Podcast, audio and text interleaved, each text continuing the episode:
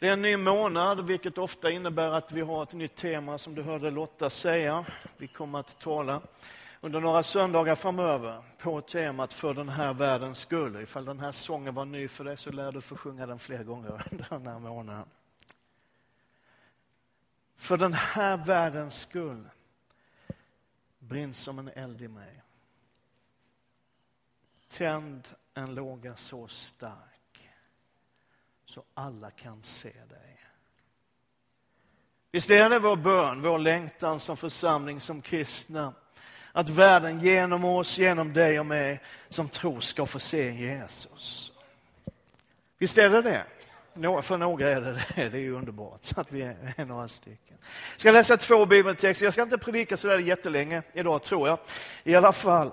Men jag vill ge en introduktion till vart vi vill komma med det här temat, vart vi är på väg någonstans. Jag tror att Gud talar in i sin församling i den här tiden. Den ena texten är från Efesierbrevets andra kapitel där det står så här i den tionde versen.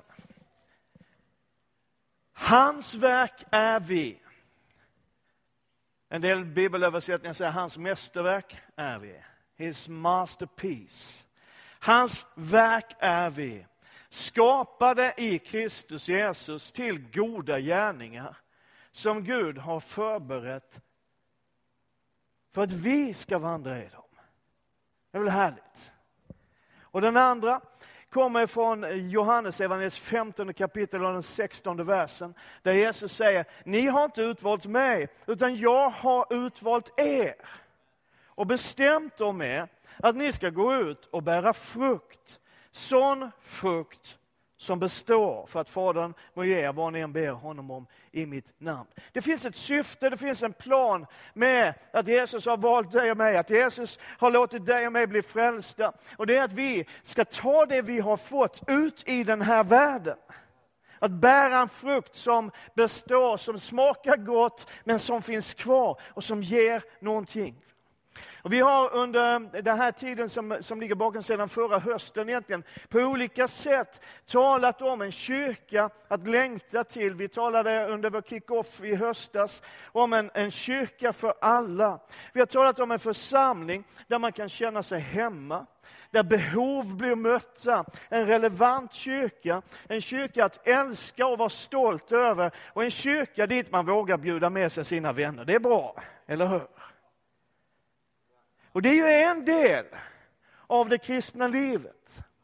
I en församling där jag jobbade som pastor så satte vi anställda pastorer satte upp en förslagsidélåda så här. Ehm, men liksom, har du tankar om hur vi kan bli ännu bättre på att nå ut med evangeliet och nå in med evangeliet? Nå ut är inte så svårt, men nå in med evangeliet.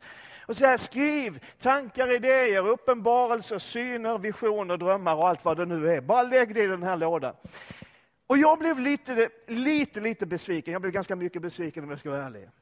Därför över 95 procent, vi fick många förslag, men över 95 procent av de förslag som vi fick in handlade om gudstjänsten. Hur man då ville ha gudstjänsten. Och då var det liksom de vanliga grejerna, du kan det här, det är liksom mer lovsång, mindre lovsång, mer salmer, mindre salmer. Och slips på, slips av, alltihop. Alltihop det där. Liksom. Men här är en grej, vet du, det här är en uppenbarelse för en del. Det är bara 14,3 procent av ditt liv som är söndagar. Och söndag är church day. Det står jag för. Jag älskar att gå till Guds hus på söndagen. Men det är bara 14,3 procent av mitt liv som är söndagar. 85,7 procent av ditt och mitt liv är andra dagar, inte söndagar. Och då är ju frågan, vad gör vi med alla de andra dagarna? Och för mig så är tanken och drömmen att söndagarna i församlingen, i gudstjänsterna, skulle få ge kraft, skulle få ge styrka och inspiration och vägledning. Att vi kommer hit för att möta Gud och bli fyllda av Anden och få hjärtat satt i brand så att det fungerar.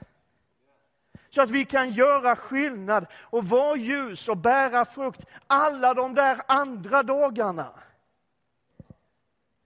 och vandra i de goda gärningar som Gud har förberett. Amen. Vet, ibland är det märkligt vad Gud förbereder. Jag har berättat det här som jag ska berätta nu för några av er, tror jag. tror inte jag har berättat det offentligt, har jag det så gör det ingenting. För det, det, det, är rätt spännande. När vi skulle flytta till Lund, när vi flyttade från Öckerö till Lund, så var det, var det faktiskt ännu svårare att hitta bostad i Lund än vad det var i Enköping. Det var bökigt nog här, men det gick ju det med.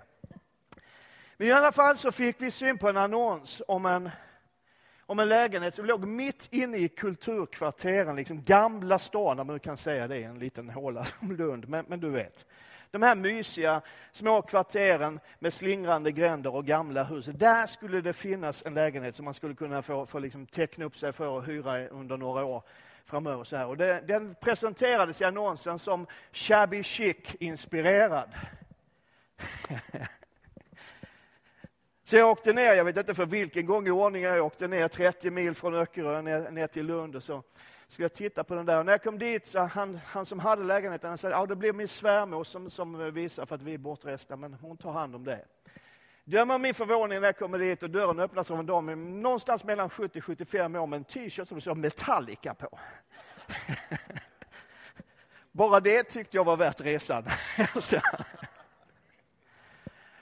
Och grejen är att jag tittade på den där lägenheten och insåg att den var ju faktiskt mer shabby än chic, om man säger så. Så att, att vi, vi någonstans inom mig så kände jag, ah, men det här, här vill vi inte bo. Men den här damen ville bjuda på kaffe. Man behöver aldrig fråga mig två gånger om jag vill ha kaffe, utan det vill jag alltid ha. Så du vet det, liksom om jag kommer och besöker jag vill ha kaffe. Alltid, ständigt, hela tiden, gärna intravenöst. Men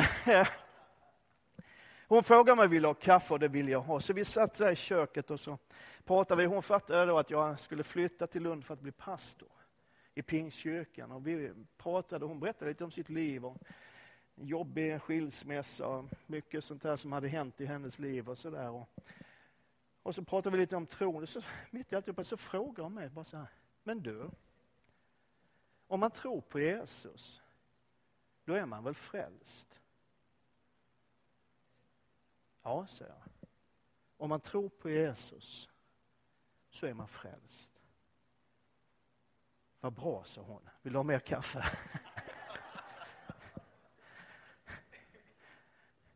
Och när jag åkte hem därifrån, lätt besviken över att jag hade åkt så långt för, för ingenting på ett sätt, så talade jag ändå Gud. Alltså. Att det fanns en människa mitt i Lund som ingen kände till som längtade efter någon sorts bekräftelse på att hennes relation med Herren var okej. Okay. är det värt att åka 60 mil på en dag? Eller hur? Sen kan man ju undra vad de andra kristna som redan var i Lund, vad de tog vägen med. Lukas skriver så här i det 17 kapitlet, vers 20 och 21. Tillfrågad av fariséerna om när Guds rike skulle komma svarade han Guds rike kommer inte på ett sådant sätt att man kan se det med sina ögon. Ingen kan säga här är det eller där är det. Nej, Guds rike är inom er. Vet, Guds rike som består av rättfärdighet och frid och glädje i den helige Ande. Du vet, allt det som Gud står för, det är hans rike. Allt det som Gud är, allt det som Gud utstrålar, det finns i hans rike. Och allt det som Gud är och har och ger och tycker och tänker och har sagt i sitt ord. Allt det, säger Jesus, det finns inom er som tror. Det är där hela tiden. Och du vet att andra riken är annorlunda. De funkar inte på det sättet. Eller hur? Jag menar, just nu är vi i Sverige. Och i det här landet så är vi under svensk lag och svenska traditioner och alltihop det här svenska. Och som svensk så är du och jag, vi är fria att resa nästan vart som helst i den här världen. Vi är typ välkomna överallt. Och jag har rest ganska mycket och besökt ett 50-tal länder. Och liksom, jag är ju fortfarande svensk. Var jag än befinner mig i den här världen så är jag fortfarande svensk. Men andra saker förändras. Jag kan inte hävda svensk lag någon annanstans i världen. Inte ens i Danmark kan jag göra det. Eller Norge, de har helt andra lagar. Hedniska lagar. Nej.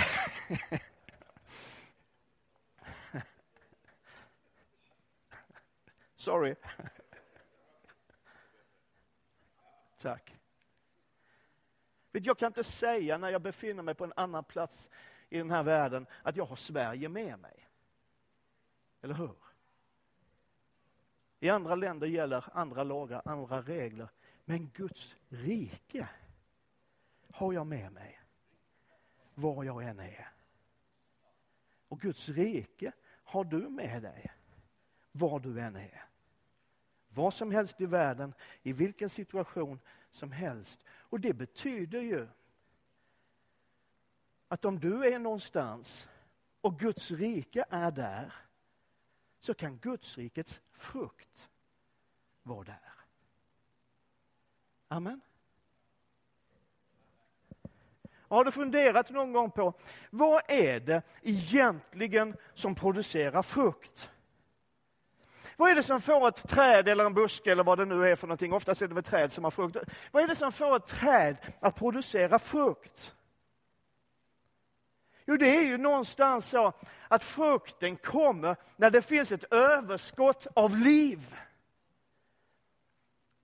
Vet, om ett träd bara får precis den näring och det liv och den energi som, som det behöver för att överleva själv, så blir det ingen frukt. Utan det är när det finns ett överskott av liv, ett överflöd av liv. När det är mer liv och mer kraft och mer energi än vad trädet själv behöver, då blir det frukt. Och det är precis vad Jesus säger när han säger, jag har kommit för att de ska ha liv i överflöd.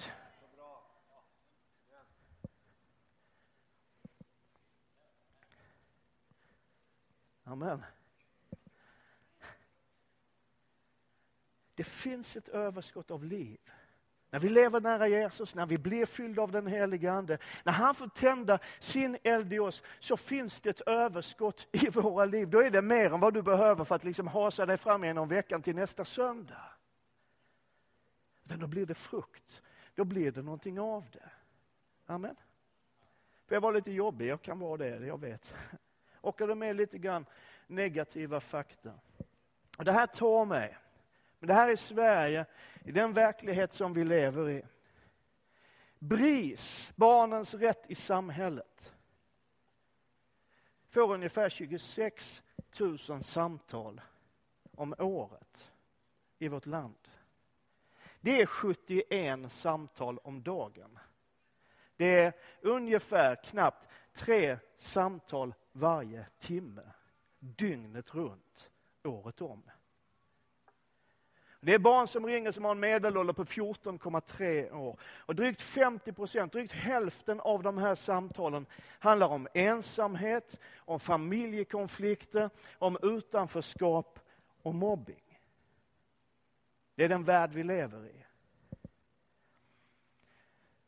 För ett par år sedan så, så var en rubrik i en av våra morgontidningar, Är svenskarna världens mest ensamma folk? Och så fortsatte artikeln och sa statistiken över ensamhushåll skulle kunna tyda på det. Ensamhushållen blir allt fler i Sverige. Från att omfattat 6 procent av den vuxna befolkningen år 1945 bor idag var tredje vuxen, 31 procent, ensamma. Och så här skulle jag kunna hålla på och stapla olika saker. Jag ska inte göra det. Men vid ett av de sista tillfällena, när Jesus mötte sina lärjungar innan himmelsfärden, så sa han till dem, sina lärjungar, sina närmsta, sitt core team, så sa han, som Fadern har sänt mig, så sänder jag er.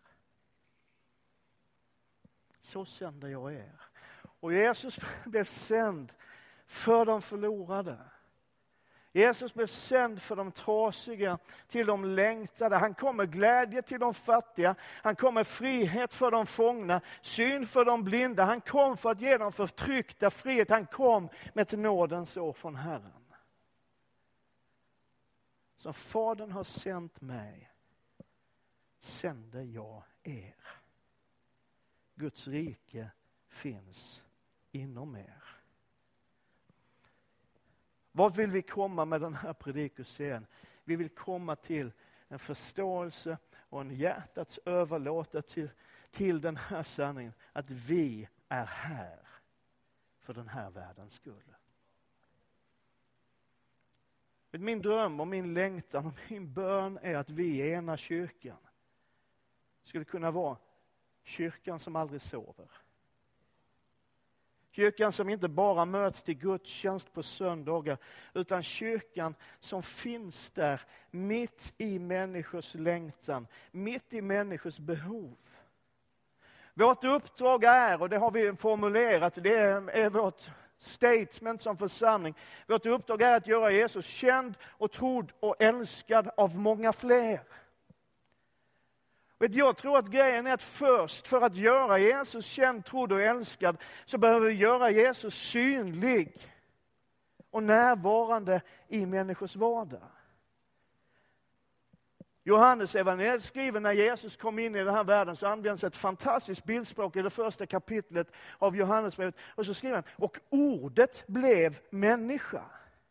Allt det som Gud står för, allt det Gud är, allt det Gud erbjuder, hela Gudstanken, allt det som ryms i ordet, i logos, blev människa. Och så såg vi hans härlighet. vet, ordet behöver bli människa. För att göra Jesus känd, trodd och älskad av många fler, så behöver ordet bli människa. Det räcker inte med ord. Det behövs människor med hjärtan fyllda av anden, med elden brinnande på insidan. Vi behöver inse, vi har talat om det så många gånger, jag kommer fortsätta tala om, om det så mycket jag bara orkar. Vi är här för andra. Kyrkan är i första hand till för samlingen. Och tänk inte på den här byggnaden, den här anläggningen. Vi som församling är i första hand till för de som ännu inte tillhör oss. Och grejen är att det är ju faktiskt mest av allt alla de här andra vanliga dagarna, de som inte är söndag, som vi kan visa att vi är här och att vi finns till för andra. Därför där du är, där är också Guds rike. Vi är här för den här världens skull.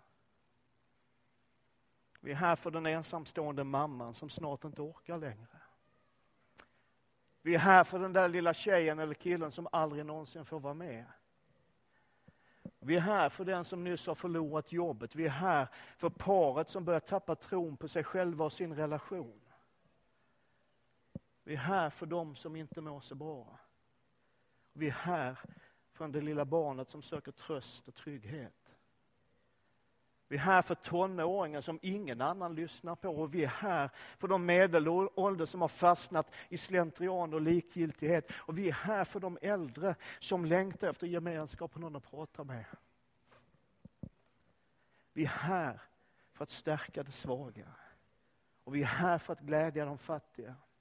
Vi är här för att befria de fångna. Vi är här för att lyfta av bördor. Och vi är här för att krossa sönder ok. Vi är här för att bota de sjuka. Vi är här för att ge nåd, barmhärtighet, förlåtelse och hopp. Vi är här för att vara ljus i mörkret. Vi är här för att ge färg åt tillvaron. Vi är här för att vara en försmak av himlen. Vi är här för att ge Jesus till Enköping. Vi är här för den här världens skull. Amen.